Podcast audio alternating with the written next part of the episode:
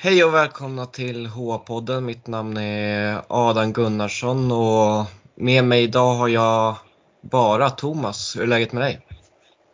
Det är bara bra här nere i söder tack. Det, det har rullat på så att eh, absolut. Jag är redo för lite podd här nu.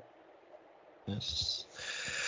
Uh, och innan uh, vi sätter igång helt så ska jag bara säga att uh, vår klippare inte kan redigera den här veckan så det blir som det blir och om misstag händer så händer det. Vi kommer lägga upp det här avsnittet eh, oredigerat.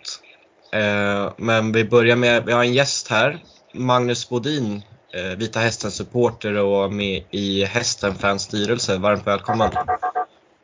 Tack så mycket! Tack så mycket!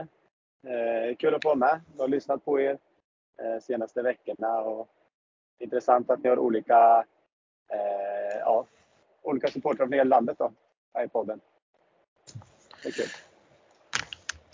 Mm. Jag tänkte att vi kan eh, börja med den största snackisen kring Vita Hästen just nu är väl eh, det, den ekonomiska situationen. Eh, har du, har du, är du, känner du att du är tillräckligt insatt för att kunna sammanfatta den för oss? Ja, jo, men det är jag väl. Jag satt med på eh, föreningens extra årsmöte som var nu i måndags. Och där fick vi ju siffrorna presenterade för oss. Eh, och då är det ju, det egna kapitalet är ju helt slut och minuset ligger på eh, 6,8 miljoner då, som behöver komma in eh, för att återställa det egna kapitalet. Då ja, för att undvika konkurs i det här fallet. Då. Så det är väl så det ligger till eh, just nu. Då. Men eh, man, sen är det en summa på 2,5 miljoner också som figurerar. Vad, är det för eh, summa pengar? Eh, ja, men det är ju den här skulden. Eh, de, de är, ligger ju den skulden. Det är ju för att överleva här och nu om man säger så. Eh, lite mer akuta skulder är de 2,5 miljoner och eh, framtida löneutbetalningar och så här. Eh, så det är de pengarna som behöver komma in nu. Eh, sen finns det ju leverantörsskulder och sånt som kanske inte gör att klubben går i konkurs här och nu.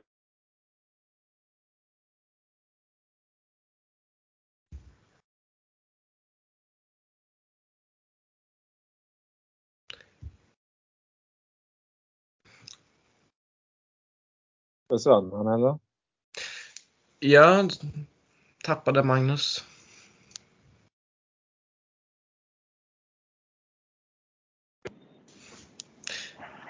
Ja, jag kopplades visst bort här. Ursäkta. Jag vet inte vad som hände. Yes.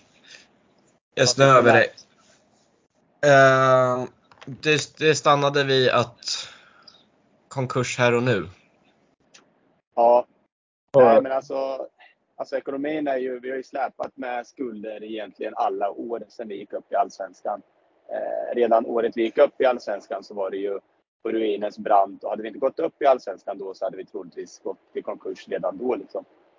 Sen så gick det väl ganska bra ett, två år där, men sen så har man dragit på sig nya skulder hela tiden. Och det räddas ju av att man plockar intäkter från kommande säsong.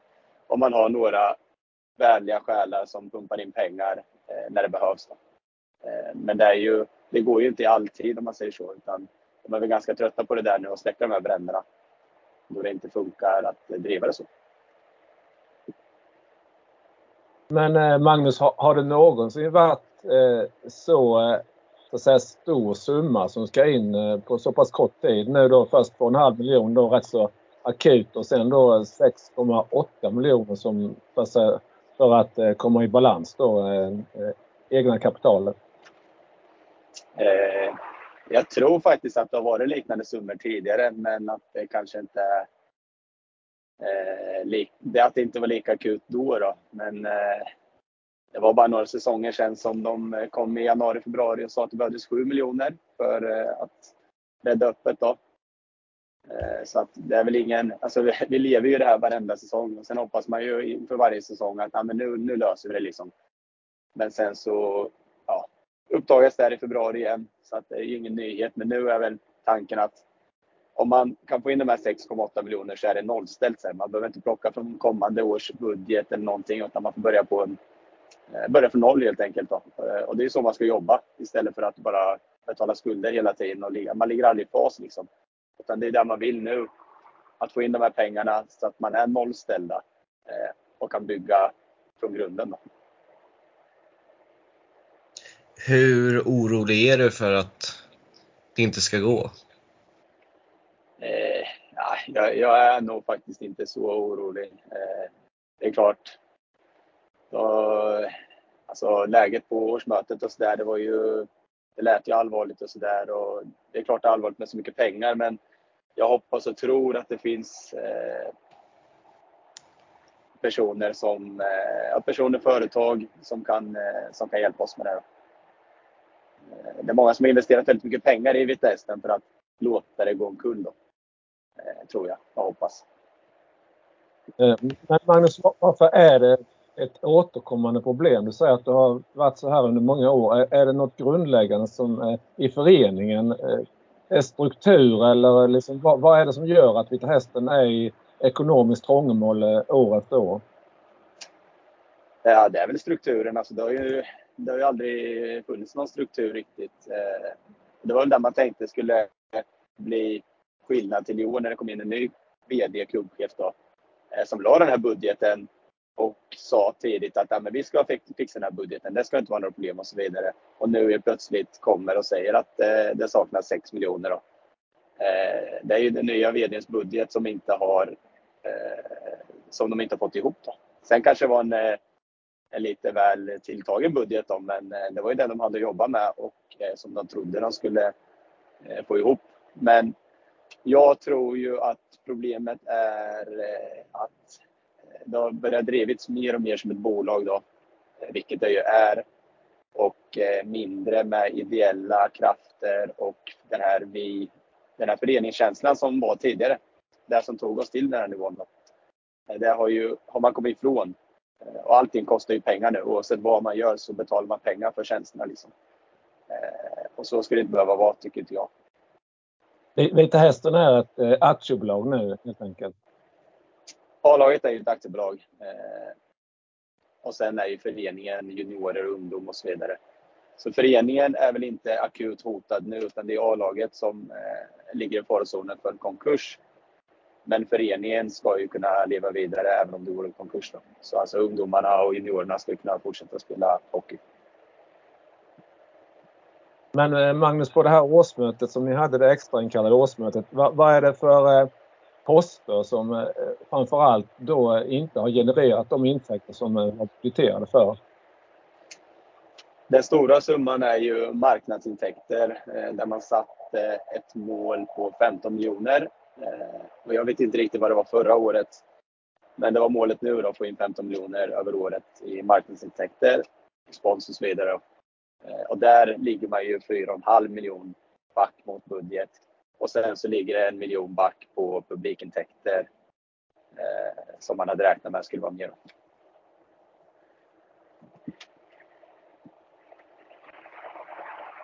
Ja, och eh, ja, publikintäkterna, det är klart att det hänger ju samman med den sportsliga delen då. Det är rätt stor del, eller? Ja, men det är klart. Eh, alltså, presterar, de inte, presterar man inte på isen så kommer ju inte folk till hallen. Eh, och det har ju varit ett problem genom åren. Eh, att vi har varit lite för långt ner i tabellen och förlorat lite fel matcher. Så här, känns det som. Eh, men man eh, budgeterar ju med 2 500 i publik och det har vi inte varit nära på många år. Så att den var ju också väldigt optimistiskt lagd. Men är det mycket medgångssupportrar i, i Norrköping med omnejd för Vita Hästen och, och även de andra klubbarna eller eh, liksom varför eh, kommer inte publiken? Jo, men det är medgångsstad överlag. Det märks på fotbollen, på basketen och på hockeyn. När vi gick upp från division 1 till allsvenskan så hade vi fullt hus liksom, i kvalserien och så. Det var 4000 pers och det var likadant första säsongen i allsvenskan när det var nyhetens behag. Och vi lyckades ju sportsligt bra också ta oss till ett SHL-kval.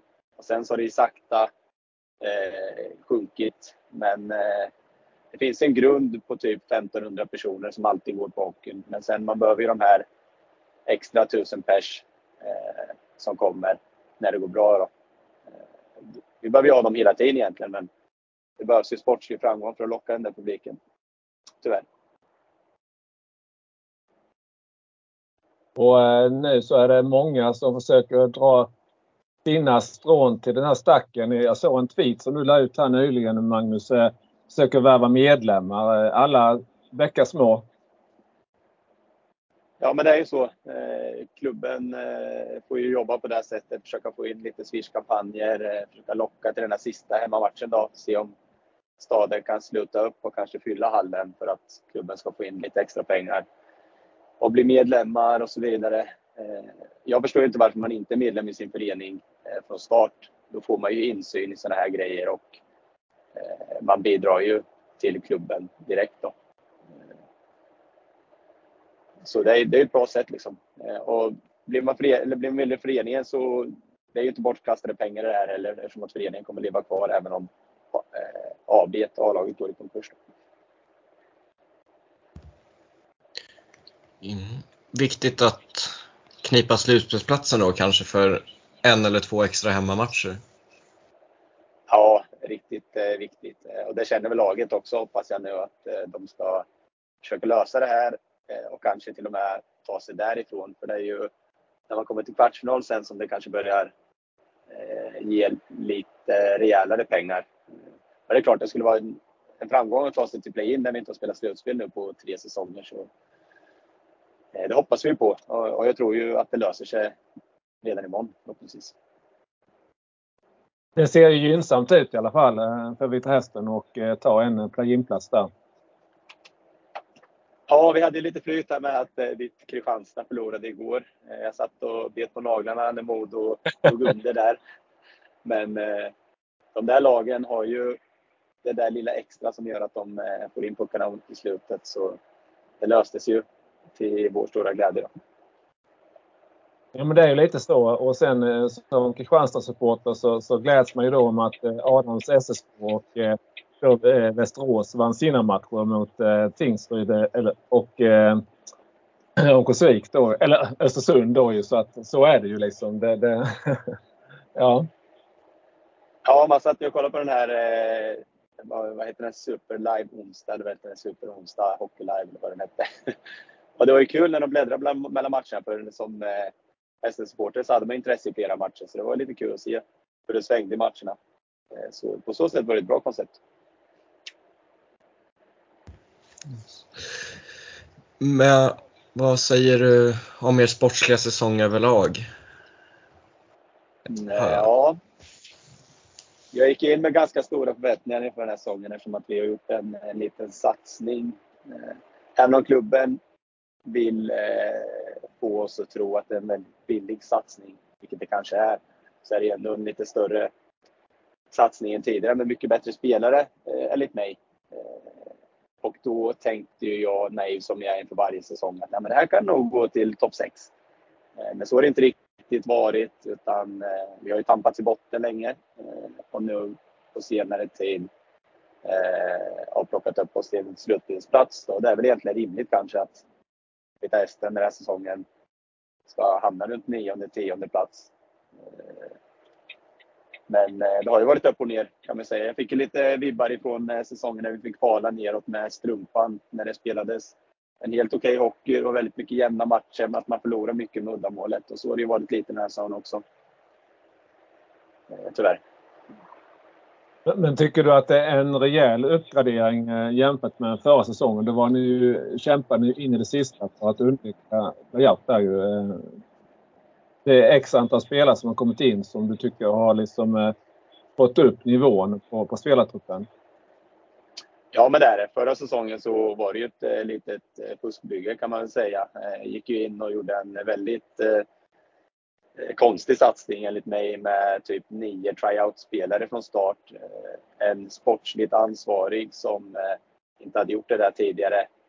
Som värvade ihop det här laget med många division 1-spelare och okända transatlanter och sådär. Eh, vissa gjorde det bra men vissa klarade inte av den här nivån liksom och fick aldrig ihop det riktigt.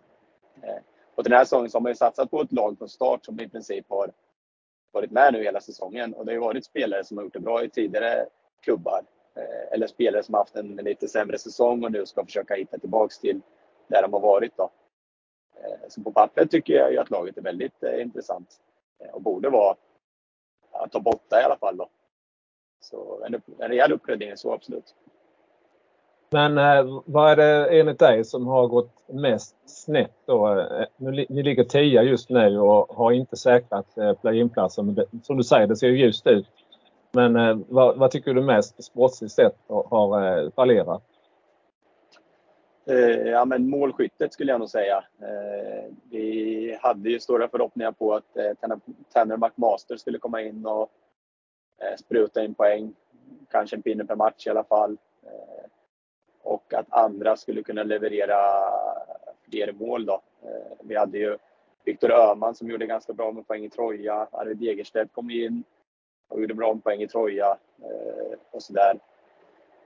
Eh, och sen så hoppades man väl att några, skulle, några till skulle utvecklas. Så jag skulle säga målskyttet har varit ett litet problem.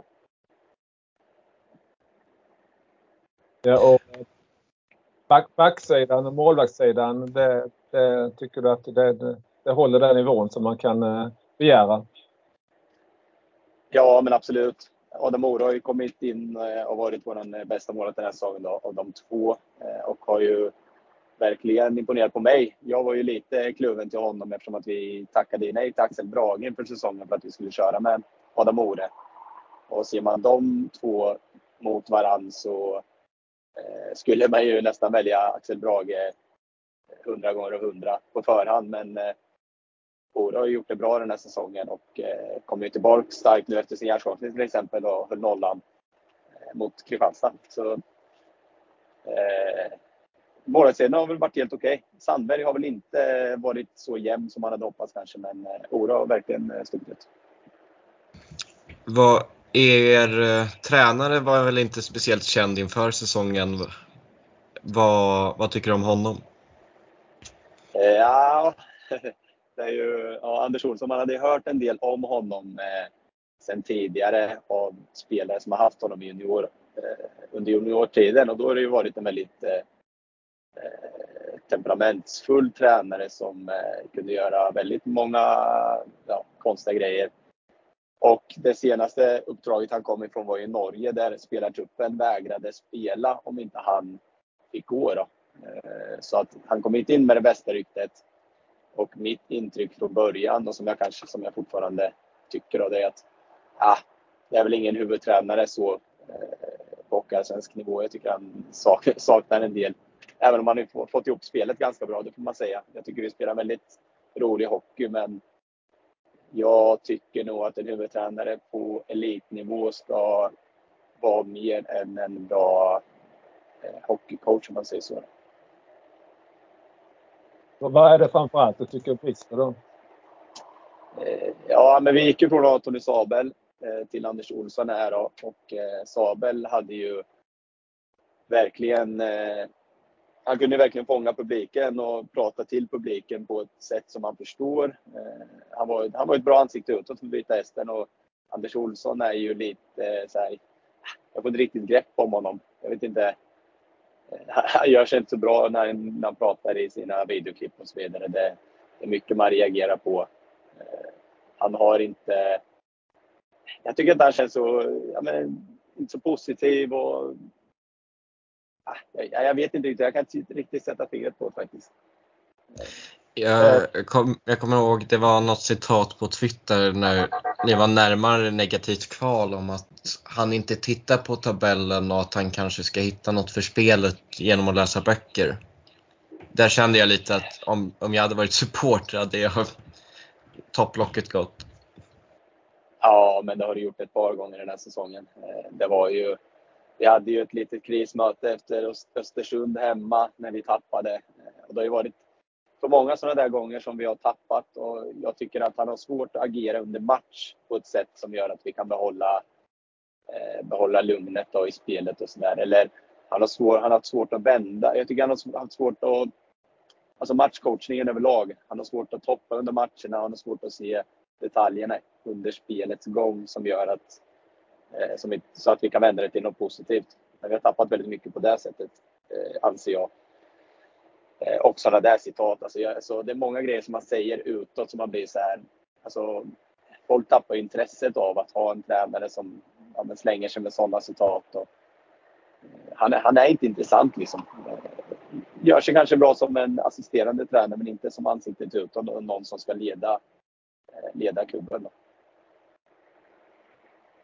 När man tänker på eh, matchcoachning då så jag har jag två eh, exempel som jag tänker ta med dig. Det ena det, det är ju eh, när Kristianstad mötte Vita Hästen nere i Kristianstad då. Eh, eh, och förlängningsspelet började och eh, Marcus Eriksson fanns med på isen då och eh, det tog ju bara 40 sekunder, lite drygt 43 sekunder så hade Kristianstad avgjort och det var rätt så kalla spelare då i alla fall. Nu har ju Benker värvat upp rätt så rejält men då i november var det, då, då var ju inte Benker särskilt het så att eh, det ifrågasatte och det var ju rätt så många som ifrågasatte det beslutet vilka spelare han startade med då i förlängningsspelet. Ja, men det har varit många sådana. Alltså, vi har ju förlorat eh, 13 förlängningar den här säsongen. 13 förlängningar och straffläggningar den här säsongen och 14 möjliga. Det är ju helt otroligt. Det är ju ett eh, ja, nytt rekord lyckades jag se någonstans på Hockeyallsvenskan. Att förlorat så många liksom. Eh, och det är många sådana grejer och jag vet inte, det är många, vi tappar ju många ledningar. Vi, vi är ett lag som är med i toppen när det gäller att göra första målet eh, och ha ledningen i matcher, men vi tappar ofta ledningen. Så att, eh, han har väl svårt att få, få det här lugnet i spelet och veta vilka han ska spela. Det har väl kanske blivit lite bättre nu på slutet men alltså, många av oss såg ju Erik Hjort i, på backsidan. Eh, gjorde lite för många misstag. Eh, var inte alls så pass bra offensivt som han ska vara och där det fanns andra backar som borde fått spela mer men som han fortsatte, fortsatte spela ändå. Då. Eh, många sådana grejer som jag tror vi har tappat mycket på den här säsongen. Och sen eh, gjorde han ju nu senast, eh, ja, jag vet inte om man ska kalla det genidrag eller vad, men hade ni lyckats så hade han klart blivit kallad geni när han tog ut målvakten då direkt eh, i, i förlängningsspelet. Vad, vad, tycker du om eh, det agerandet? Och nu, nu blev det ju baklängesmål istället så Björklöven vann den förlängningen. Ja, med lite distans till det och efter att ha pratat med lite folk så tycker jag väl ändå kanske det var, det var rätt agerat med tanke på att vi överraskade på det sättet att vi fick ett friläge. Nu var det ju tyvärr Tim Wahlgren som fick friläget och han har väl missat fler frilägen än någon annan den här säsongen. Men eh, det är ju man-manspel i tre mot tre och det blir ju att det blir ett räknefel för dem så man får ju en gubbe extra liksom. Så det kunde ju ha gått vägen. Vi har aldrig sett det tidigare att man plockar ut målvakten direkt. Utan man brukar plocka målvakten efter att ha tröttat ut motståndet efter åkt åtter i offensiv zon liksom, och sen plocka målvakten. Men eh, där och då i stunden så var jag vansinnig. Alltså, jag tyckte man kastade bort den där poängen. Men med facit i hand så hade vi inte haft någonting att hämta i 3 mot 3 mot Björklöven. Det hade ju varit en tidsfråga innan de hade gjort målen då.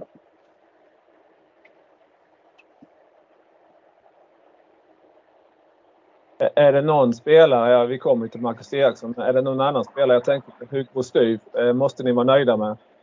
Och ni, ni drog väl en lättnadens suck när inte eh, Gradin och eh, Karlin kallade hem honom till Örnsköldsvik och Modo? Ja, verkligen. Hugo Styr var väl blivit den backen som man trodde och hoppades att Erik Hjort skulle eh, ha blivit, eh, eller varit då. Eh, han är jäkligt fin med pucken och har fått både powerplay-spel och lyfta lite grann där från backplats. Men han har varit lite upp och ner också, men det är ju så med unga spelare såklart. Han hade en väldigt stark start. Sen hade han det lite tufft några matcher och nu har han kommit igång lite igen då. Så det, det är tacksamt att Modo köpte in andra backar Eh, så att vi fick behålla honom. Men när vi tog med honom hemifrån från Örnsköldsvik där, då tänkte jag vad fasen håller vi på med? Liksom, plocka in deras åttonde back här vad tänker man med? Men det har ju slagit väl ut kan man säga. Uh, jag tänker att vi kanske måste gå vidare snart, men vi i den här podden är väldigt svaga för Marcus Eriksson så Tänkt ett bra avslut kanske är om en hyllning till honom från dig. Ja, alltså det, jag vet inte vad det finns att säga egentligen som inte har sagts. Jag har ju en, en kompis som har skrivit en fin hyllningskrönika till honom på gummitrissan.bloggo.nu tror jag det var. Eh, men alltså, han har ju varit med sedan innan jag började följa Vita Hästen. Eh, och alltid varit hästen trogen, förutom några små äventyr. Då. Men alltså, att ha en sån spelare som har gjort så mycket poäng, så mycket matcher och som, eh, ja, som varit MVP varje säsong. Liksom, det är ju, eh, vi supportrar kan nog inte riktigt greppa hur bra han är, utan det är nog mer utifrån när man ser att eh, Alltså han får inte de hyllningar han förtjänar här, utan vi kommer nog se den, den dagen han slutar att fasen liksom, hur mycket han betydde. Eh, men alltså det är ju en, eh, det är ett spelgeni. Han är inte snabbast på isen, han, är inte, han skjuter inte hårdast, men han lägger de här passningarna som ingen annan ser. Och, eh, sen så har det tillkommit det här hårda jobbet på ålderns höst, så han är mer komplett nu än han var tidigare. Eh, så den dagen han slutar, då, då kanske vi faktiskt kan gå i konkurs och lägga ner. Så viktigt är Men eh, är det inte så eh, Magnus att Marcus Eriksson har blivit erbjuden förlängning av kontrakt över nästa säsong?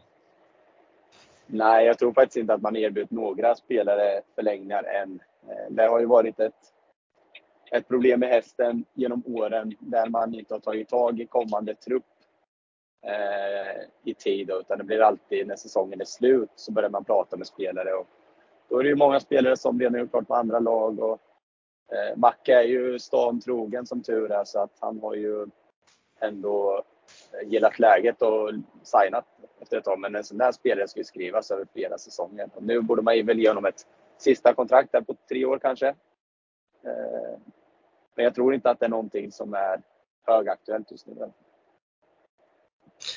Yes. Eh, något du vill tillägga Magnus?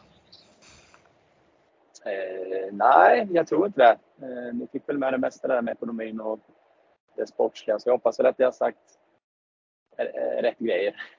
Yes. Nej, men vi, har du något att tillägga Thomas?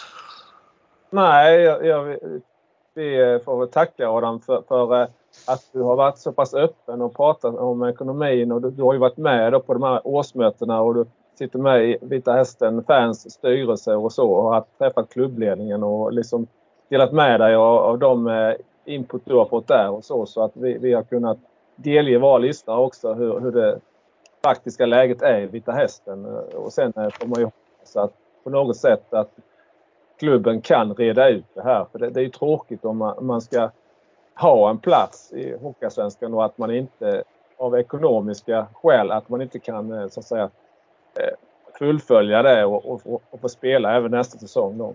Så att, ja. Vi får väl hoppas ja. att de här finansiärerna de går in en gång till.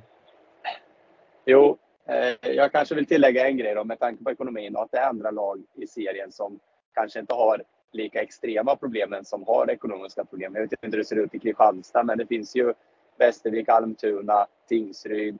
Jag vet inte det med AIK och så nu. Alltså det här är ändå ett, ett ligaproblem ser jag lite mer som eh, än vad det är i enskilda klubbar. Även om enskilda klubbar har ju sitt ansvar såklart. Men alltså det behöver göras någonting i Hockeyallsvenskan eller svensk hockey som gör att, att det inte behöver vara så här stora skillnader eh, mellan ligorna.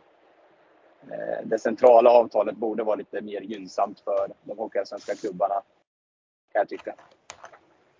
Yes. Ja, vi har pratat rätt så mycket om det i HF-podden att det är ett antal klubbar och Kristianstad som du nämner har ju också, lever ju också på, har ju väldigt snäv budget och så vidare. Så, så att eh, det är ju och ett antal klubbar som säljer av spelare under säsongen så, så att det, det men vi har diskuterat, ventilerat det i podden här och eh, vi håller helt med dig Magnus där.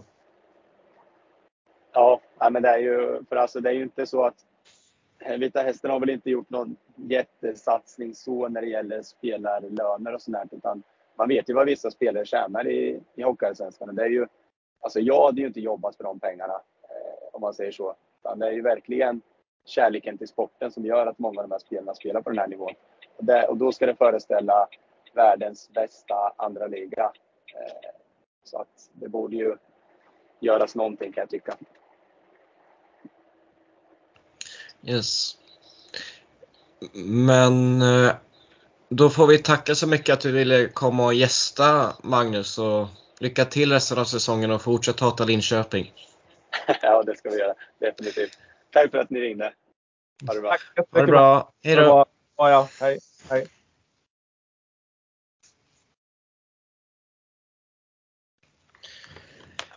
Ja, Thomas. Några intryck du vill ja, känna att du vill dela med dig av? Nej, men jag tycker som, som vi sa här att det, det var ju när, när, vi pratade om att vi skulle bjuda in någon gäst så, så visste vi inte om att Vita Hästen skulle gå ut med det här. Det, det har ju varit på tal innan att men det låg det runt 4 miljoner men nu var det ju helt plötsligt så steg ju det till nästan 7 miljoner då. Och det basuneras ut rätt så stora rubriker då. Så att det var ju rätt så bra timing när, när Magnus Bodin då, och som då har den här insynen också i klubben har varit med på nu på det senaste årsmötet och även då är med i Vita Hästen Fans styrelse som har träffat klubbledningen. Att han kunde vara med och delge hur situationen är för Vita Hästen och den är ju enormt ansträngande. Det, det förstår man ju. Så att eh, det, ja. Det, och sen sportsligt så, så eh, har ju Magnus eh, skrivit med flera då på Twitter att han tycker att truppen ser bättre ut än framförallt förra säsongen. Det var ju Vita Hästen mötte ju er Södertälje där några gånger där på slutet väl och, och var nära att hamna i er sits istället. Ja. Uh... Vi ska inte prata om förra säsongen. ja, det undviker jag gärna. Ja. Men... Nej, men så... så jag tycker att eh, vi får tacka som sagt Magnus Bodin för att han eh, ställde upp och, och var med här och, och delgav oss all den här informationen. Och sen också att han har följt Marcus Eriksson som vi har hyllat då som du säger mycket och, och ger sin personliga prägel på vad Marcus Eriksson betyder och genom åren har betytt för Vita Hästen. Yes. Um, jag tänker, vi kommer ju ha en gäst till i avsnittet. Um, ska vi skriva till honom nu och fråga när han kan hoppa in och ta det andra i podden lite anpassat efter när han kan? Ja, det tycker jag låter bra som du sa inledningsvis eh, Adam så, eh, så kommer det ju här avsnittet att vara oredigerat i princip. Så att, eh, men vi hoppas att ni lyssnare har överseende med det. Så att, eh, Johan Holmgren som ska hjälpa oss att klippa som gärna gör det också men han hade lite svårt nu de närmaste dagarna här. Så att, eh, men jag tycker absolut vi gör så Adam. Yes. Uh, men jag har hört av mig till vår andra gäst i alla fall. Men vad stod det på schemat? Prata lite om det som har hänt sedan förra inspelningen. Eh, om det är något speciellt som vi vill ta upp där. Ja, um, om vi, vi kan väl gå igenom topp och bottenstriden lite grann. Um, men vi, oh. kan vi väl avslöja så pass mycket att toppstriden kommer vi in lite på med vår andra gäst då. Ja, men bottenstriden är det väl. Jag ser väl egentligen att play kampen om play-in-platserna känns väl ganska klar. Jag har svårt att se att Kristianstad ska knappa in fem poäng på hästen när det finns nio poäng att spela om. Ehm, och även om du helst vill ha någon form av att det ska vara klart helt i teorin att Kristianstad ska undvika playout så känns det väl mest som en strid mellan Östersund och Tingsryd. Skiljer fyra poäng mellan dem just nu. Ja, men Kristianstad ligger ju bara en poäng bättre än Östersund. I och för sig så har Kristianstad bättre målskillnad eh, så det är i praktiken två poäng då. Men, men eh, absolut inte. Kristianstad är absolut indraget i den striden där. Ja, men jag, känner, jag tror ändå att vinner Kristianstad en match till så är det nog klart. Det vilken match ska Kristianstad vinna då? ja, jag kan inte hela spelschemat. Vilka, vilka, vilka har ni sista tre? Mora, Karlskoga och Västerås hemma i sista. Ja, Karlskoga tror jag inte kommer ha så mycket att spela för så det är nog inte omöjligt. Um, Mora får ni gärna slå för min del. Eh, men eh, BIK Karlskoga är lite luriga där för att eh, förra podden spelade in, då var ju BIK Karlskoga det formstarkaste laget tillsammans med Mora. Men sen har ju Karlskoga gått på ett par pumpar här så att det, det, är lite, det kan svänga snabbt. Ja, men jag, jag känner att uh, kring Kristianstad skulle Tingsryd ta fem poäng sista tre, vilket känns lite osannolikt, då kommer ni förmodligen ha bättre målskillnad än dem ändå. Även fast vi förlorar alla tre och jag känner att det vore ganska osannolikt ifall Tingsryd eh, vann två, eller tog två, sex poäng sista tre matcherna. Men större under har väl skett. Ja, alltså det, det är ju... Vi får ju tacka som Kristianstad-supporter får man ju tacka. Ja, Södertälje vann ju då i Dackehallen Eh, var det förra helgen. Och eh, nu så igår så vann ju Västerås. Så att eh, det, man, och eh, likadant så har ju eh, lag hjälpt till. Och eh, igår så vann ju Södertälje mot Östersund. Så att det får ju verkligen som KIK-supporter tacka eh, lagen som hjälper Kristianstad när man inte av egen kraft kan ta de här poängen. Så får man ju stor hjälp av eh, lag att eh, hålla Östersund och framförallt Tingsryd eh, på, behör, på, ja, Tingsryd på behörigt avstånd. Då, så. Ja, men just nu känns det som fyra poäng mellan Östersund och Tingsryd. Det är också ganska mycket när det bara finns nio poäng att spela om. Så det mesta lutar åt att Smålandslagen, Tingsryd och Västervik får mötas i bästa sju just nu. Ja, jag har ju skrivit på Svenska fans för eh, ett tag sedan så skrev jag ju att det trodde jag när jag tippade matcherna, det var åtta matcher kvar, att det, det, det blir eh, Västervik och eh, Tingsryd. Eh, men eh, nu uppgraderade jag, eller uppdaterade ju den här eh, tippningen då och eh, då slutade det med att eh, det kommer bli Kristianstad mot Västervik. Så att, eh, vi får väl se. jag kanske var negativ i överkant där.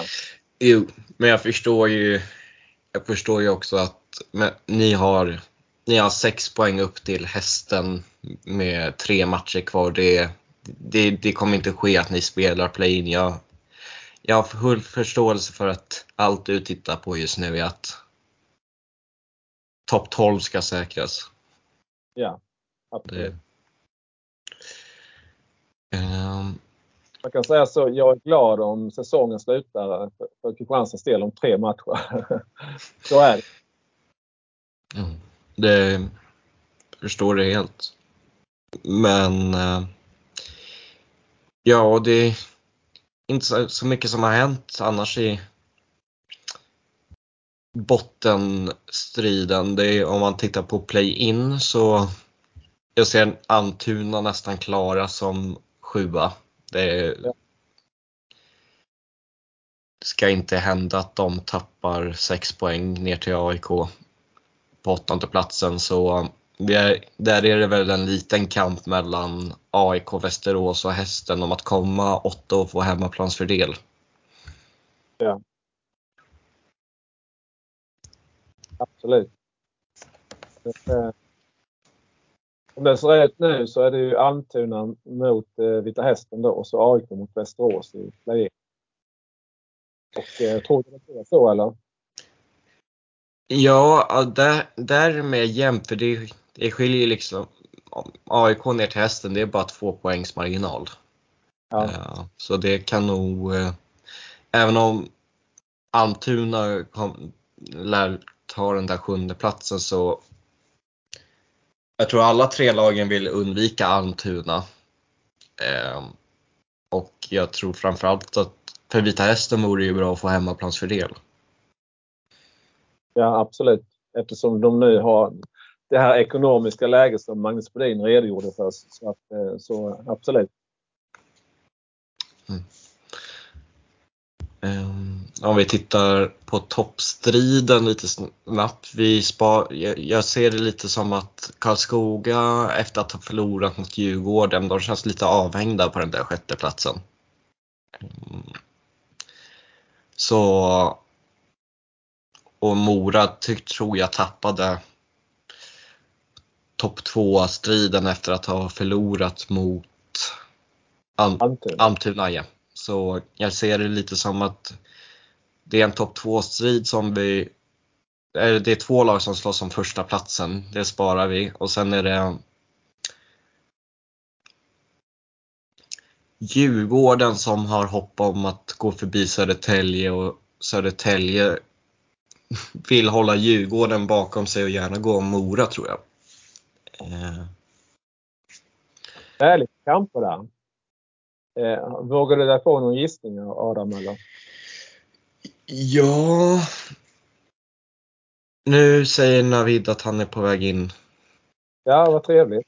Men jag kan väl bara dra det där lite snabbt att eh, jag tror att för Djurgården och Mora har tre relativt lätta matcher på spelschemat för deras del. Um, jag tror att även om det bara är två poäng mellan Södertälje och Mora så tänker jag lite att uh, om Mora förlorar en av tre matcher så behöver nog Södertälje nog gå rent. Eh, för att Mora har bättre målskillnad. Och Södertälje avslutar sista två omgångarna med Modo och Björklöven och jag tror det blir svårt att ta 6 av 6 poäng utan Videll. Eh, sedan är det men jag tror att SSK kan ta tre poäng sista två matcherna och kan ta tre poäng mot Västervik imorgon fredag och det tror jag räcker för att sluta topp 4. Så jag tror att lite ett långt sätt att säga att jag tror att tre, fjärde, femte, sjätte plats kommer se ut som det gör nu även efter 52 matcher. Och sen kommer Modo och Björklöven och gör upp om plats ett och 2. då. Yes, och det ska vi prata om nu. Eh, hur svarar jag Navid? Ja, där tycker jag. Eh, nej.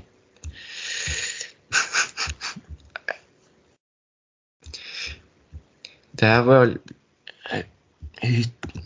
Det, ja. Nu får lyssnarna uppleva att jag också kan vara oteknisk.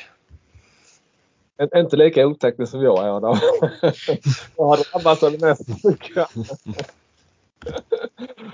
ja strömavbrott och internetanslutning som har upphört och ja, jag vet inte allt.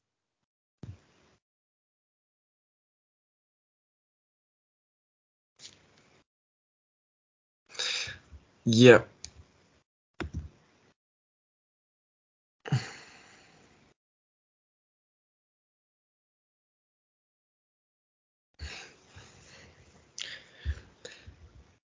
Här är Anna Vid. Nu, nu ser jag en bild på Navid i alla fall. Ni ser ja. bild.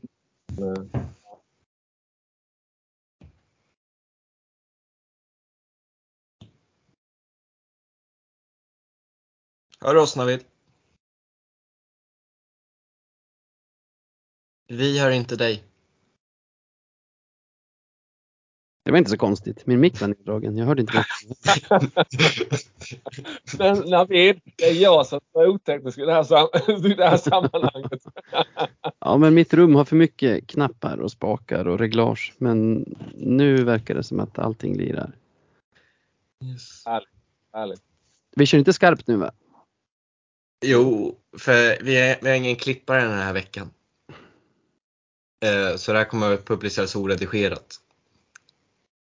Rullar inspelning nu? Ja, vi har kört på ett tag. Okej, okej. Men du behöver inte vara orolig, jag skämde precis ut mig genom att jag inte hittade knappen till chatten i gruppen. Jag skulle svara dig. Jag fattar. Ja, Men eh, Vi är glada amatörer Navid. Ja. Men vadå, är det här podden? Kommer lyssnarna sitta och lyssna på det vi sitter och säger nu? ja, Ja. Oj. Och, om, om inte Adam han är snäll och klipper lite kanske. Vi får se. Men då börjar vi på en gång. Eh, vi Adam, satt och- stopp. Kan jag, kan jag bara få någon minut då? Jag trodde att det här var någon sorts check. Får jag bara springa och säga att det är skarpt och att jag ska stänga dörren och sånt? Okej, jag gör det. Då kan vi, ska vi presentera Navid eller ska han göra det själv? Eh, nej, du kan göra det Thomas. Ja, det är alltså Navid Deal som vi har eh, bjudit in som gäst och eh, Navid är ju en av eh, medverkande i Radio 1970 som är Björk, en Björklöven-podd som jag lys, lyssnar med, med stort intresse. De sänder eh, både på måndagar Slipper och onsdagar sänder ni Navid. Jag, jag, jag pratar Precis. lite för eh, Radio 1970 här nu så att eh, ni har ju kommit in med, med eh, måndagar också nu då, så ni sänder två dagar i veckan. Detta stämmer. Vi försöker köra på måndagar då det oftast är Emanuel Forslund och Jesper Nilsson som pratar lite mer Hockeyallsvenskan i helhet. Och så kör jag och Sebbe på som vanligt med onsdagarna där vi pratar mer Löven. Yes. Vi får be om ursäkt för att du inte var helt uppdaterad på vad som gällde Navid. Eh, Ja men det blir kul. ja, jag hoppas lyssnarna tycker det. Men De har varit med om det bästa, lyssna. eh, vi, får, vi, vi snackade precis innan om att toppstriden är lite uppdelad just nu. Att, det är, att vi tycker att det är klart vilka som eh, slutar topp två men att det är en kamp om första platsen där mellan er och Modo. Delar du det? Alltså du vet hur det är, man vill aldrig uttala sig om att någonting är klart förrän det är klart på riktigt. Men det var ju en fin gåva vi fick av Almtuna igår onsdag när de vann med 3-1 mot Mora och därmed cementerade avståndet på fem poäng mellan oss och Mora efter lika många matcher spelade. Så vad är det, fyra poäng på tre matcher tror jag vi behöver ta för att vara säkra på topp två och det ska väl inte vara omöjligt tycker man. Vilka har ni i sista tre matcherna? Jag, det är Västerås hemma, fredag. Sen Västervik hemma onsdag nästa vecka och så Tälje borta i sista matchen. Yes. Ja, det är relativt lätt schema ändå. Du, du har ju sagt här Adam att eh, ni har kvar, Södertälje har kvar att möta både Modo och Björklöven då, så ni har ju ruggigt tufft schema här. Och, och där då både kan man säga då eh, Modo och Björklöven gärna vill ta den här första platsen då. Yes. Det kommer passa er tror jag Tälje att smyga lite där bakom. Ja, allt beror på en, om en viss herre kan komma till slutspelet. Eh, Men hur, eh, vi har inte pratat med dig någonting i år. Eh, Förra säsongen var du med och eh, satte på någon gangsterrap när du skulle spela upp något snutt ur 1970. Jag tror jag klippte bort det. Men eh, vad, vad, vad känner du kring säsongen för Stråles första från start? Jag tycker det har varit en, med Björklöven-mått mätt, väldigt bra säsong. Vi har fått in, skulle jag säga, spelare med lite mer karaktär i Kilky, Pooley, Fitzgerald höll jag på att säga, han heter Fortier. Fitzgerald är en annan av våra spelare som vi har kvar sedan förra säsongen. Som har gjort att vi har kunnat plocka lite mer poäng i sådana såna matcher när laget ser ganska oinspirerade ut så har ändå de här spelarna kunnat vara lite tungan på vågen och och vinna matcher åt oss, vilket har gjort att vi inte har slarvat bort lika många poäng som, som de här två senaste. Annars har det väl varit en säsong som har för vår del kantrats, vad säger man? Förlåt. En, en säsong som har där skadorna har haft stor inverkan. Vi har till exempel nu efter 49 omgångar fortfarande inte spelat med våra fyra ordinarie centrar skadefria samtidigt och det har ju varit nya kedjekonstellationer hela tiden som jag tycker att laget har anpassat sig ganska bra efter och, och liksom gillat läget och kört på.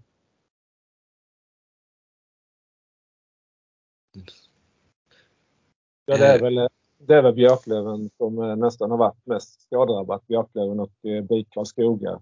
Så att eh, helt klart påverkar det ju truppen. Så att, men, men, om du tittar på centersidan då Navid, vad, vad, tror du där? Liksom, hur, hur, ser läget ut? Där är ju, Weigel är ju borta fortfarande. Hur pass nära är han att kunna spela? Eller vara med i han, truppen? Han verkar väldigt nära skulle jag säga. Alltså det man läser i lokaltidningarna, eller i lokaltidningen och det som, det som verkar gälla på träning är att han är tillbaka i full träning och reste med laget förra helgen till bortamatcherna mot AIK och Vita Hästen. Bytte inte om då men verkar själv vara helt inställd på att göra debut nu mot Västerås fredag kväll. Då blir det ju genast eh, lite skarpare läge där för eh, Stråle. Hur tror du han eh, sätter ihop sina, sin centerbesättning då? Jag tror och hoppas är att Weigel tar tillbaka sin plats mellan Kilki och Pooley i vår första kedja. De har nu är det väldigt mycket poäng även i 5 mot 5 fram tills Weigel blev skadad. Sen har de inte riktigt kommit upp i, i den nivån och de har testat lite olika. Till en början, till en början eh, Gustav Possler som egentligen är ytterforward. Det testade de bara några matcher, sen blev det Fitzgerald några matcher. Innan man testade Mostonen där i någon vecka eller två. Och nu på slutet har det varit Jakob Olofsson som har kört där. Men aldrig med samma resultat som när, när Weigel lirade där så jag kan faktiskt inte se någon anledning till att man skulle göra på något annat sätt. Och jag har också sett i, på träningsrapporterna i, hos Västerbottens-Kuriren att det är så man tränar nu. Och då gissar jag att Jakob Olofsson istället kommer att hamna i Alex Hutchings kedja som väl är någon typ av tredje kedja. Tidigare har Kristoffer Bengtsson lirat där med, med, som, an, alltså som andra ytter. Men nu i den här veckan så har Joel Mustonen fått spela där. Han har ju varit tvungen att spela center nästan hela säsongen fastän det inte är hans naturliga plats. Men vad det verkar kanske det är han som går in som tredje länk där med Hutchings och Jakob Olofsson så den blir genast ganska spännande den också. Absolut. Jag tänkte, då, ja, kör du Thomas. Nej, då, då kanske Weigel får någon match innan eh, så att säga då det, det blir skarpt läge, ännu mer skarpt läge här i slutspelet. Eh, hur pass viktigt tror du att eh, Weigel får några matcher här innan slutspelet?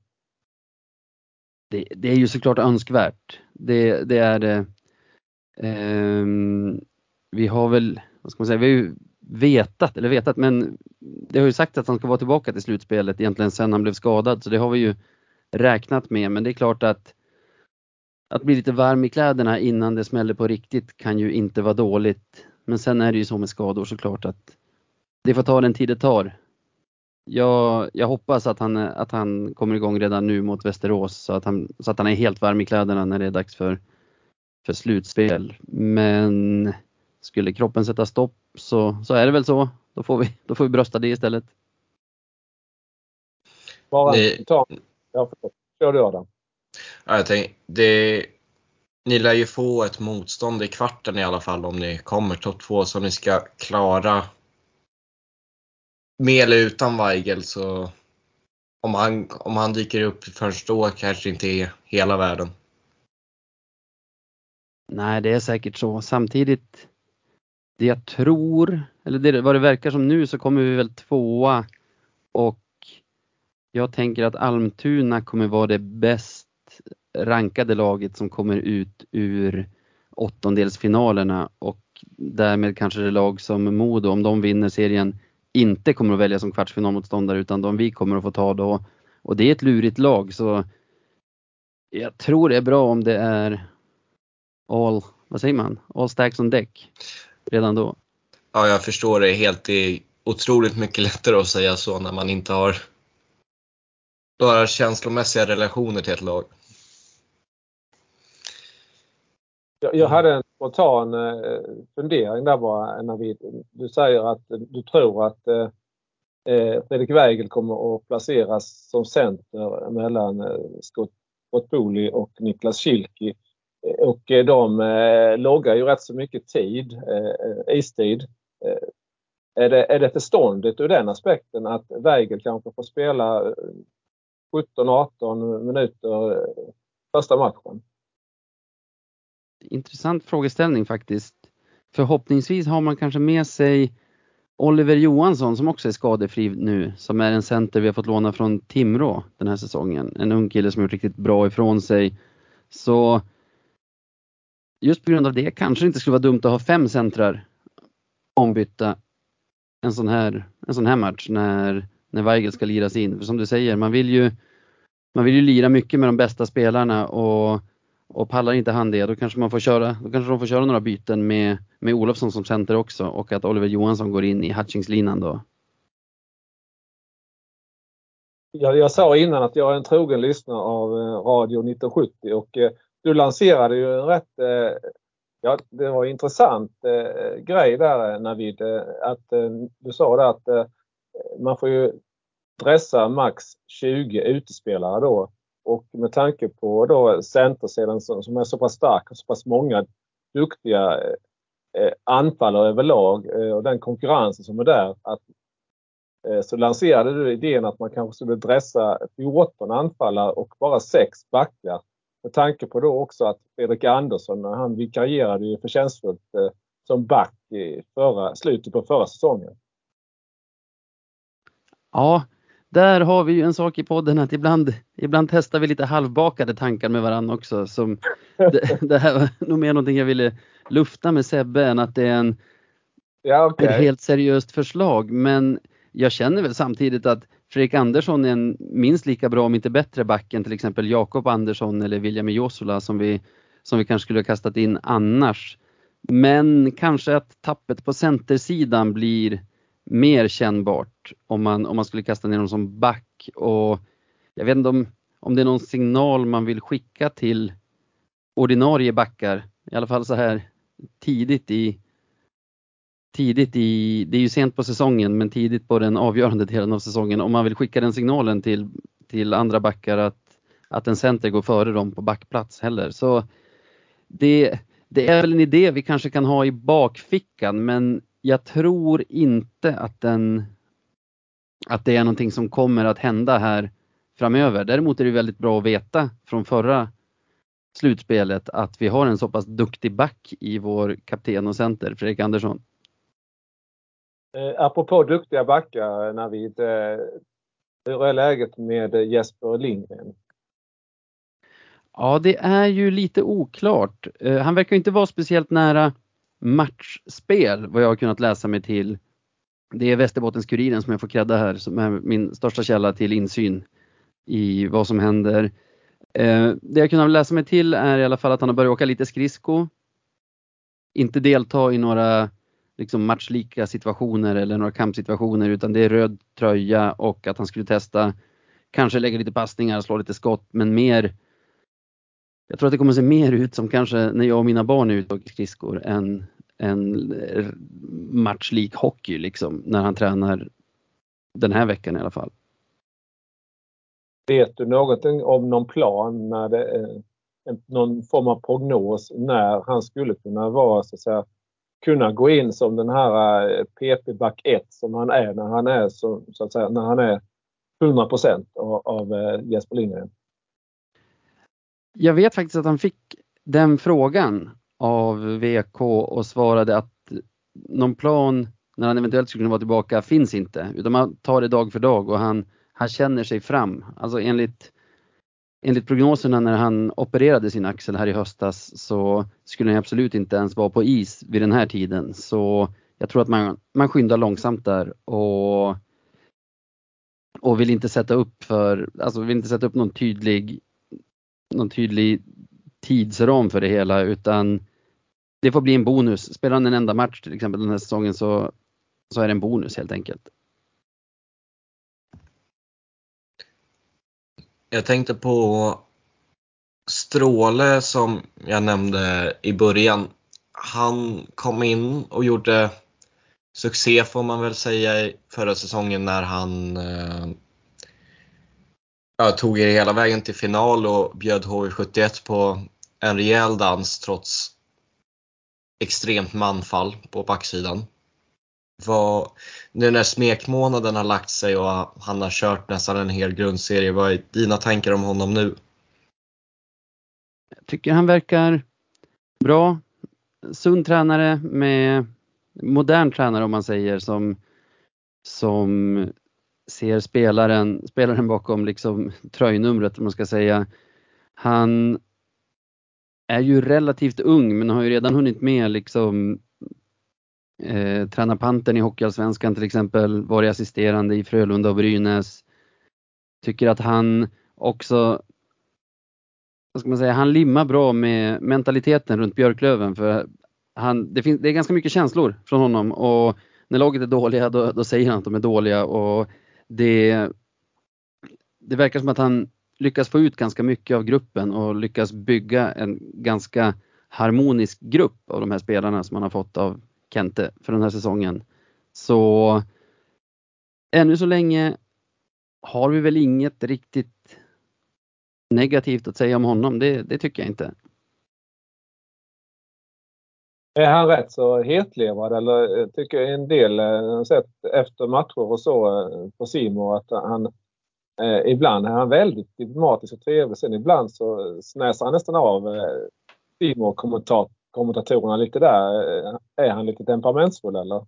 Jag tycker det verkar så i alla fall. Man ser ju också, de gillar ju Simon att zooma in honom där på bänken i matcherna ibland och han har ju ett, han ser ut att ha ett brett register av, av känslor i alla fall där på bänken. Men jag tycker ändå till exempel under förra, förra årets slutspel att han var väldigt bra på att hålla huvudet kallt. Han, han, vad ska man säga, började inte fokusera på fel saker eller på motståndaren eller på domarna speciellt mycket utan höll sitt huvud kallt till, vad ska man, så långt man kan se utifrån i alla fall och fokuserade på det egna laget och på det egna lagets spel och det hoppas jag att han fortsätter med. Sen gillar man ju en tränare med lite litet känsloregister. Ni Kristianstad-fans är väl inte helt ovana vid det kan jag tänka. Nej. Nej men det, apropå det så sa ju, jag sa nog det i en podd här eh, tidigare vi har spelat in att eh, eh, Stråle han har ju haft att göra med Gat tidigare och, och, han sa ju då att Micke Gat är ju en väldigt trevlig, eh, omtänksam människa utanför eh, spelarbåset, eh, utanför matcharenan. Men eh, så att säga i spelarbåset då är det ju en, en annan Gat, den här tävlingsinstinkten kommer fram och så vidare. Och, och som du säger, när vi, till viss del måste det ju det, det vara så tycker jag också. Men eh, sen är det klart att det finns ju gränser för allting. Men eh, Stråle har inte eh, tagit några han har inte blivit eh, avvisad på en tränarbänk någon gång eller så. så att, eh.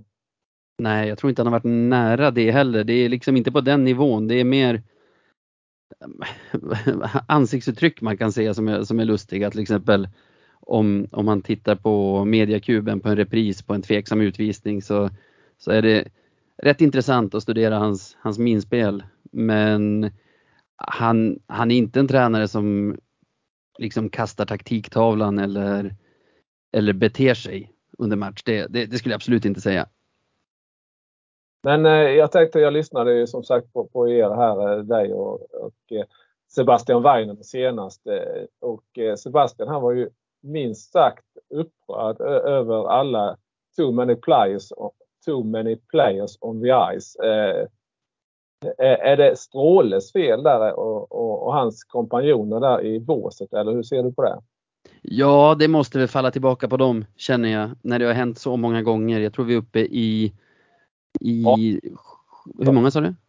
18 tyckte jag Sebbe sa, var det det? Eller 17, 18? Mm, där någonstans i alla fall. 17-18 lagstraff varav nästan alla är too many players och det jag såg att Västervik har väldigt många också, men jag tror att vi har tre, fyra gånger så mycket som det lag som ligger trea i den statistiken.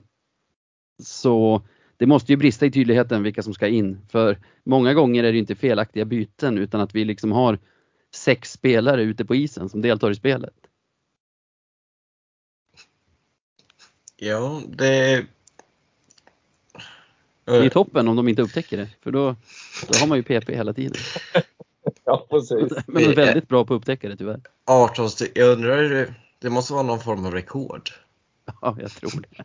Vi, vi hade för några veckor sedan. Nu var det ju jätte, alltså, eller jättebra, det är de lågställda förväntningarnas världsrekord kanske. Att säga att det var jättebra för vi har, vi har väl en tre raka matcher tror jag nu utan too many. Men jag tror vi hade fem eller sex matcher i rad här för någon vecka sedan med minst en too many players utvisning i varje match. Förutom mot Djurgården där domarna missade en supertydligt felaktigt byte som resulterade i ett mål för oss.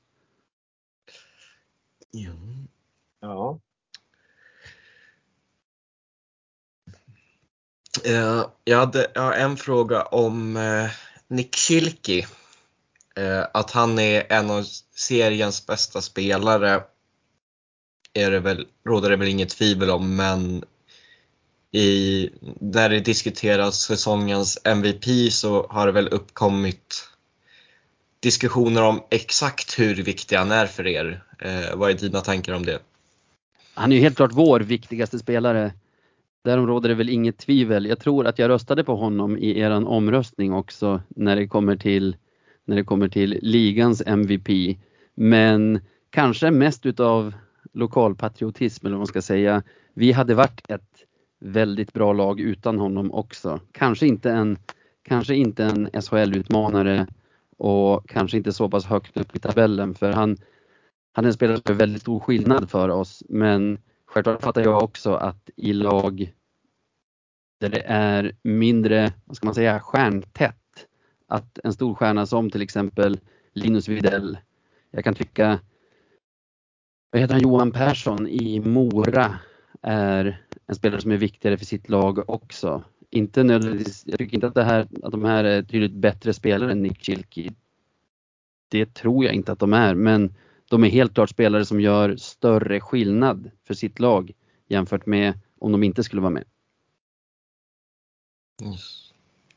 Eh, när man pratar om, om att göra skillnad, eh, när vi, jag tänker lite här på, nu har ni fått in eh, Löken här nu då. Och, eh, om Weigel kommer tillbaka nu eh, relativt snart som, som du, tror då. Här, eh, då kommer ni ju ha två ruggigt eh, starka powerplay-formationer där. Och, eh, hittills har det nästan varit så att eh, Poli, Kilki och de som har spelat med, med de två ledande spelarna i den spelformen eh, har, har loggat eh, ja, kanske upp mot 1,30 per, per eh, två minuter då, om det inte har blivit mål innan. Eh, hur ser du på den eh, konkurrensen där att eh, det kanske inte blir så mycket tid för, för Poli Jag tror att det blir bra och jag har faktiskt noterat tidigare under säsongen de har haft mycket mer tid i powerplay än vårt PP2 men det är för att i väldigt många av våra powerplay har de gjort mål innan PP2 har kommit in. Däremot har jag sett att de oftast när de har varit mållösa efter typ en minut ändå åkt och bytt. Så tanken har nog varit då också att dela det relativt lika mellan de två uppställningarna. Men det var väl mer premissen för frågan. Själva frågan så jag tror att vårt powerplay 1 i alla fall kommer gynnas av att få in Fredrik Weigel igen. För den uppställningen tycker jag tydligt har tappat en dimension sedan han försvann. Vilket man har lyckats sminka över. Man har inte tappat så mycket i powerplay-procent. Lyckats sminka över det genom framförallt Kilkis och kanske Jerry Fitzgeralds individuella skicklighet och liksom deras fina, deras fina avslut. Men vi har till exempel tappat Pooley ganska mycket i powerplay sen Weigel försvann för att man inte har fått den här Tidigare har vi ganska ofta haft en satt, lyckats sätta en kombination där Schilke hittar Weigel i, om man säger Gretzky-position bakom målet som, som Rapt har kunnat hitta klubbladet på Poli framför mål. Och den vägen har lite grann försvunnit sen, sen Weigel försvann. Och Poli har försvunnit lite grann också. Jag tror att den, den uppställningen får ett bredare register när Weigel är tillbaka. Och sen är det såklart att det är bra för dem att att ha någon att dela ansvaret med, att, att inte ha det tunga hoket på sina axlar hela tiden utan att vi, har ett, att vi kommer att ha ett PP2 som, som kan vara lyckosamma ibland också. Men jag förstår frågan, kommer de kanske bli sämre av att inte få lika mycket powerplay-tid? Det, det vågar jag inte svara på. Jag, generellt så tror jag inte på sådana teorier, till exempel när folk säger att ett lag värvar sönder sig själva när de värvar bra spelare. Jag tror generellt alltid att det är bra att ha bra spelare till exempel och jag tror att det är bättre att ha två bra powerplay-formationer än en bra. Eh, om, om de skulle gå ner lite i PP1 så hoppas jag att PP2 går upp ännu mer av att, av att de blir bättre så att säga. Mm. mm. Det, ja, det är klart att poängsnitt och så kan eh, sänks om man får mindre istid men det betyder inte nödvändigtvis att spelet blir sämre. Nej precis och i ett slutspel så kan det ju vara Min känsla är att i slutspel så är är man ännu mer scoutade. Lagen, lagen tittar mer på video och specialiserar sig mer på varje specifik motståndare de tar sig an eftersom de ska möta dem fyra till sju gånger i sträck istället för du vet en gång i september, nästa gång i januari och så vidare. Så jag tror också att det kan vara bra att ha två bra powerplay, powerplay formationer av den anledningen att blir, blir till exempel Kilki och Polis formation på något sätt nedstängda, sönderlästa, så har man en annan formation som funkar på ett annat sätt och som också är giftig. Så Lökes inträde i laget tycker jag har varit väldigt positivt på det sättet. Mm, vi, kan, vi kan ta Löke snart. Jag, jag tänkte på det här med, med sönderläst och, och lite så. Eh, eh, Niklas Schilke, han inledde ju säsongen med att ösa in mål. Och sen så blev han lite mer framspelad till framförallt Poli då. Eh, eh, hur ser du på det? Var, var det så att man lärde sig lite eh, att eh, Schilke, han gjorde mycket mål och tog mer bevakning på honom eller eh, hur, hur eh, ser du på den situationen där? Det var min känsla. I början förväntades Poli vara målkungen och Kilky passningsgeniet så det gjorde att Kilky fick ganska bra med utrymme för egna avslut, vilket han utnyttjade.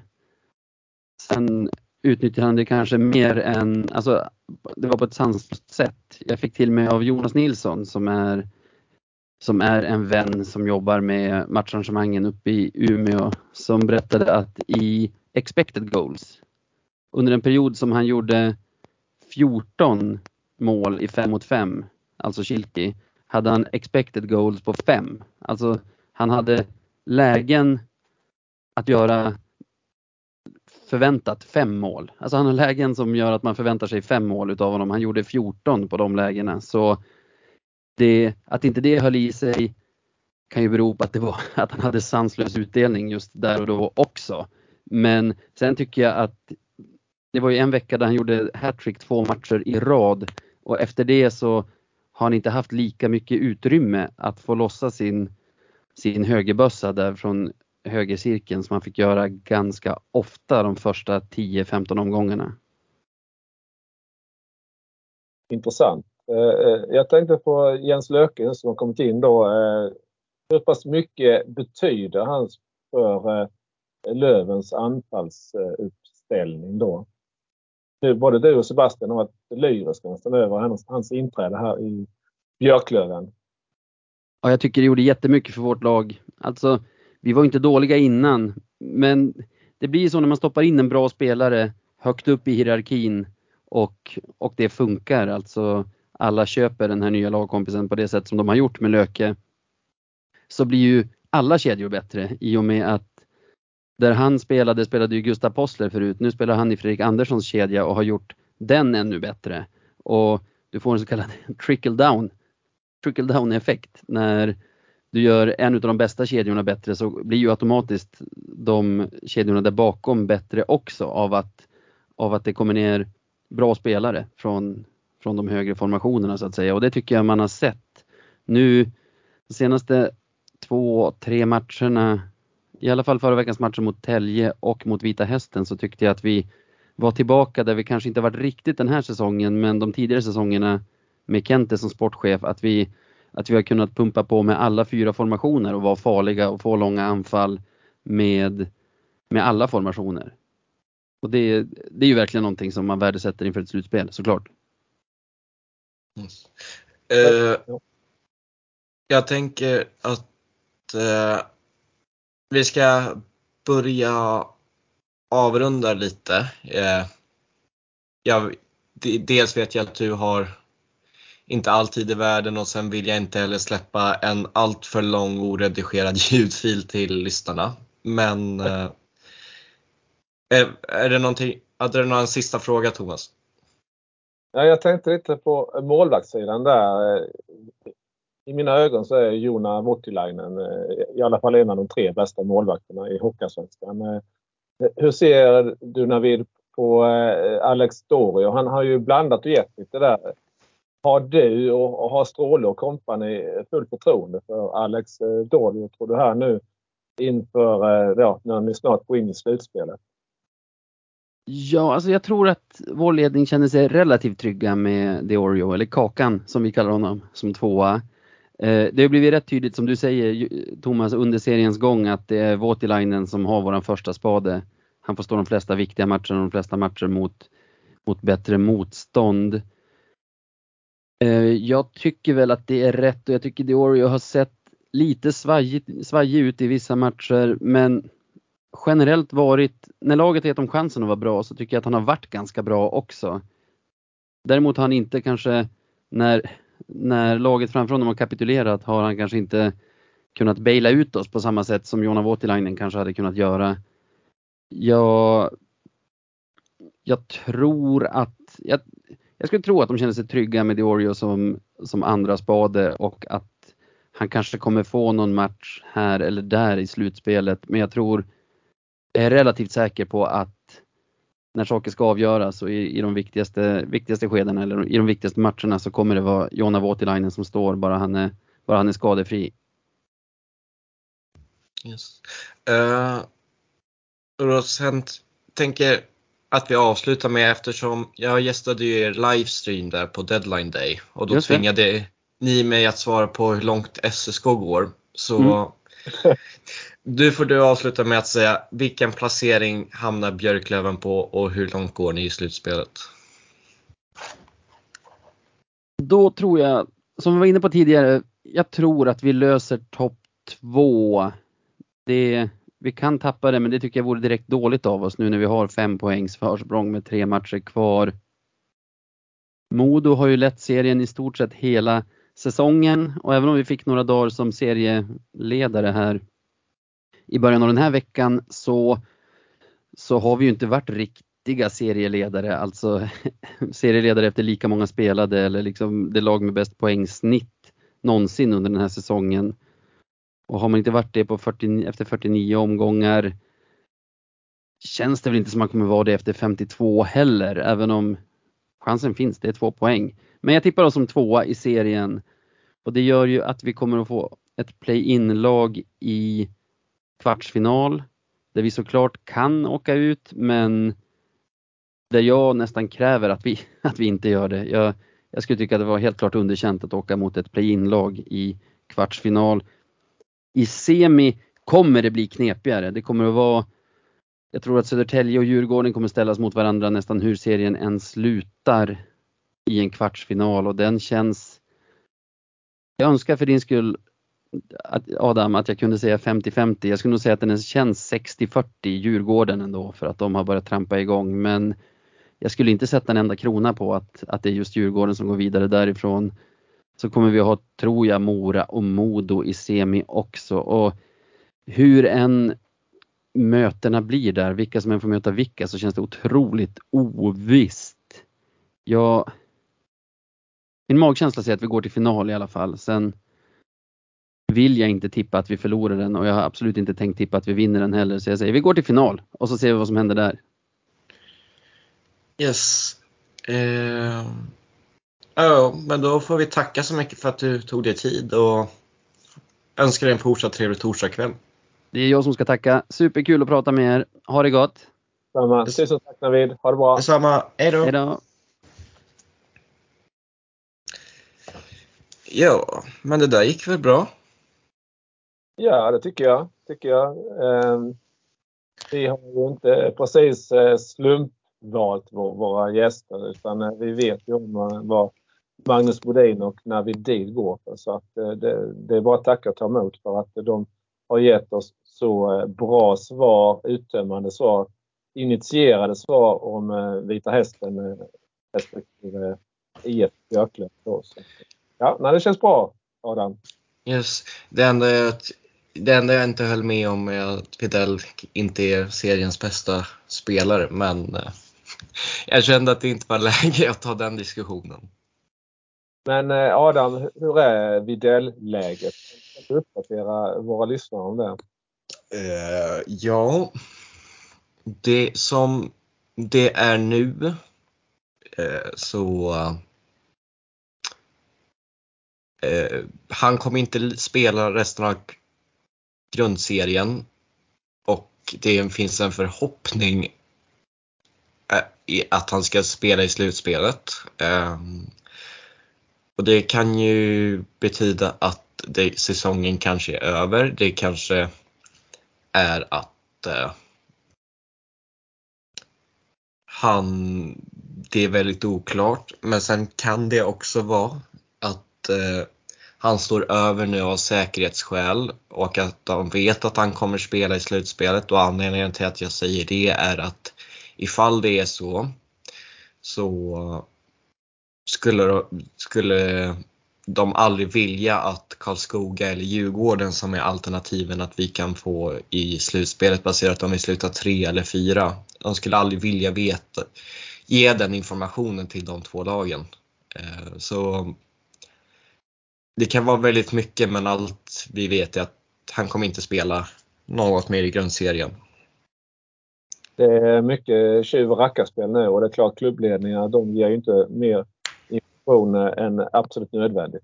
Ja, de här lägena när Videll då är, eh, ja, vi har ju röstat fram, fram Linus Videll till eh, MVP i hela Hockeyallsvenskan så att det är ju mycket av Södertälje SKs chanser. De, de står ju och faller lite med om Linus Widell kan spela eller inte i slutspelet. Ja.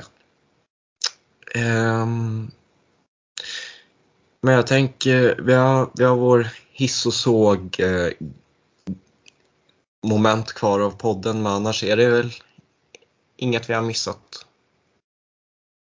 Nej, inget. Eh, det var, vi har varit en intressant match eller så och kanske någon intressant händelse här men jag vet inte om vi, vi kanske ska ta den när, när det, vi är fler som är med. Adam, Ja, det, det låter nog bättre.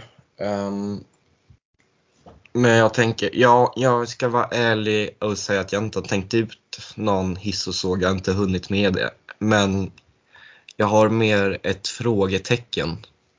Och det är kring eh, det här super onsdag live bla bla bla jippot som Hockeyallsvenskan och Simor har börjat med.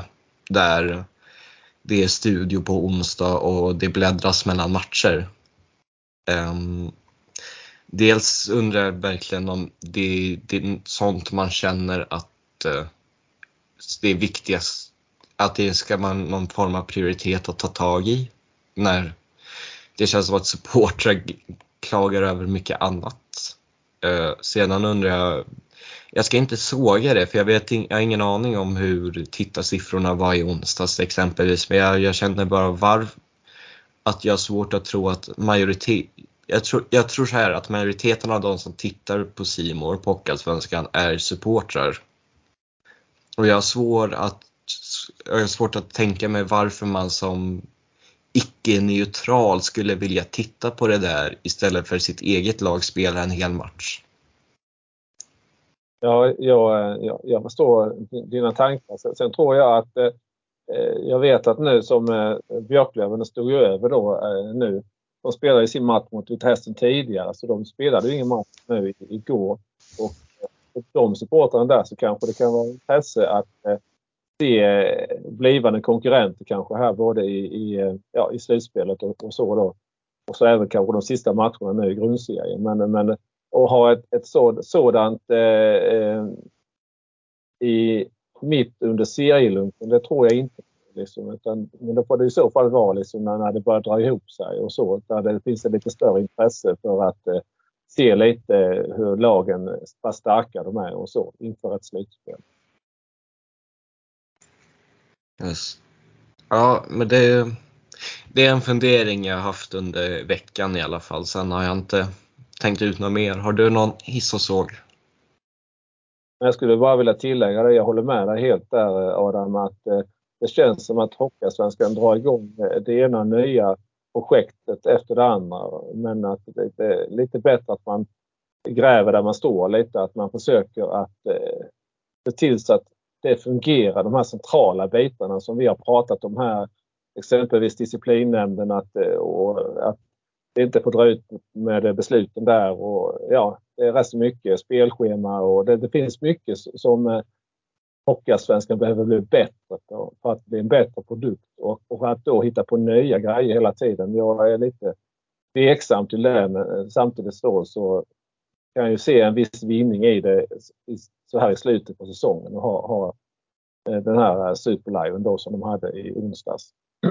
Ungefär så. Eh, ja, hiss. Eh, jag, jag, jag, har ju inte alltid sett allting ur ett Kristianstad IQ-perspektiv kanske när det gäller hiss och såg men idag så väljer jag att göra det. Och eh, jag ska, kan väl, väl inte avsluta allt för negativt så jag kan börja med, med eh, sågen då. Eh, jag och Andreas Lennartsson, min skrivarkollega i HR-podden, vi, vi, vi, eh, och Andreas har ju varit med någon gång här också i, och eh, pratat i HR-podden. Eh, han, eh, vi var på matchen igår och även eh, Andreas far var med och eh, vi följde matchen på plats i Kristianstad ishall och eh, jämför man med hur, hur det var för eh, x antal år sedan tillbaka så, så eh, det var ingen rolig stämning. Det, det, det, det var Modosupportrarna hördes mer än, i sig var det rätt så många Modosupportrar men de hördes mer än eh, Kristianstadssupportrarna. Och det finns ju många orsaker och anledningar till detta men som Kristianstad IK-supporter så känns det ju tråkigt att det, det har kommit till det läget att eh, och det drabbar ju också laget på isen när de inte får det stödet som de verkligen skulle behöva i de här matcherna nu som där det då Kristianstad IK av egen kraft skulle kunna säkra och spela, alltså klara sig kvar utan att spela ett playout. Men det har ju inte gått så bra i de här hemmamatcherna på slutet förutom mot, hemma mot AIK då där det var den här urladdningen då. Så att eh, det känns... Eh, stämningen är undermålig. Jo, jag, jag märkte det lite när jag var där på 13 afton med några andra. Det var, vi höll lite låda där även om vi var rätt få men det var väl ingen imponerande stämning alls från KIK-arna. Så... Nej. Där är ju ingen eh, ståplats. Den här sjungande ståplatssektionen som fanns en gång i tiden. Där, där är liksom eh, inget liv alls från den. Och, eh, sen är det ju ett antal supportrar som har misskött sig för, av olika anledningar och eh, då har, har som inte har kommit tillbaka och sen är det då ett antal som sympatiserar med de som inte heller är i ishallen och det gör ju att alla de här hängivna supportrarna som en gång liksom bidrog till att det var stämning eh, när Kristianstad IK spelade. De finns inte på plats och då blir det det här eh, ja, att eh, stämningen är undermålig som jag sa. Och det, det drar ju ner helhetsintresset att följa en ishockeymatch på plats. Då kan man ju nästan lika väl sitta hemma och, och se på den i tv-fåtöljen. När, när det, det, det är mycket, tycker jag i alla fall, det här att eh, liv och puls och eh, liksom klackar som, som eh, sjunger och, och, så vidare. Så att, så att eh, mycket av den här stämningen har försvunnit i Kristianstad ishall, tyvärr. Mm. Och eh, om du ska hylla någonting? Ja, då måste jag ju faktiskt hylla eh, ditt eh, Södertälje SK Adam och eh, även då Henriks Västerås IK. Som återkommer till det här igen då att när Kristianstad IK inte av egen kraft kan ta de här poängen för att undvika, ja de kan fortfarande undvika, men som sagt hade Kristianstad IK tagit lite poäng så hade ju den här hockeyallsvenska kontraktet redan var säkrat inför nästa säsong. Men det är det inte nu. Eh, och eh, hade då eh, Tingsryds AIF och Östersunds IK tagit lite poäng här så, så hade det ju sett betydligt mer bekymmersamt ut för Kristianstad IKs del. Men nu senast igår så vann ju Västerås IK hemma då mot Tingsryd och så vann ju Södertälje SK mot Östersunds IK. Så att jag får hissa Västerås IK och Södertälje SK som tack för hjälpen. När Kristianstad IK har så förtvivlat svårt att fixa det här på egen hand. Yes. Ja, men då har vi checkat av allt. Um, på de två mest långrandiga HA-podden lyckas spela in rekordsnabbt avsnitt. ja. Eh, vi hoppas att eh, vid nästa tillfälle att vi ska vara fler som är med och pratar. Så att, eh, men vi hade ju två väldigt trevliga gäster ikväll så att eh, det, det, vi tackar verkligen eh, Magnus Bodin från Vita Hästen och Navid Deal från eh, IF Björklöven för ett trevligt gästspel här i HR-podden ikväll. Yes, och med det tackar jag alla våra lyssnare som hängt med oss i en och en halv timme lite drygt och får önska er en fortsatt trevlig dag. Ha det bra! Hej då! Det var jag. Ha det bra!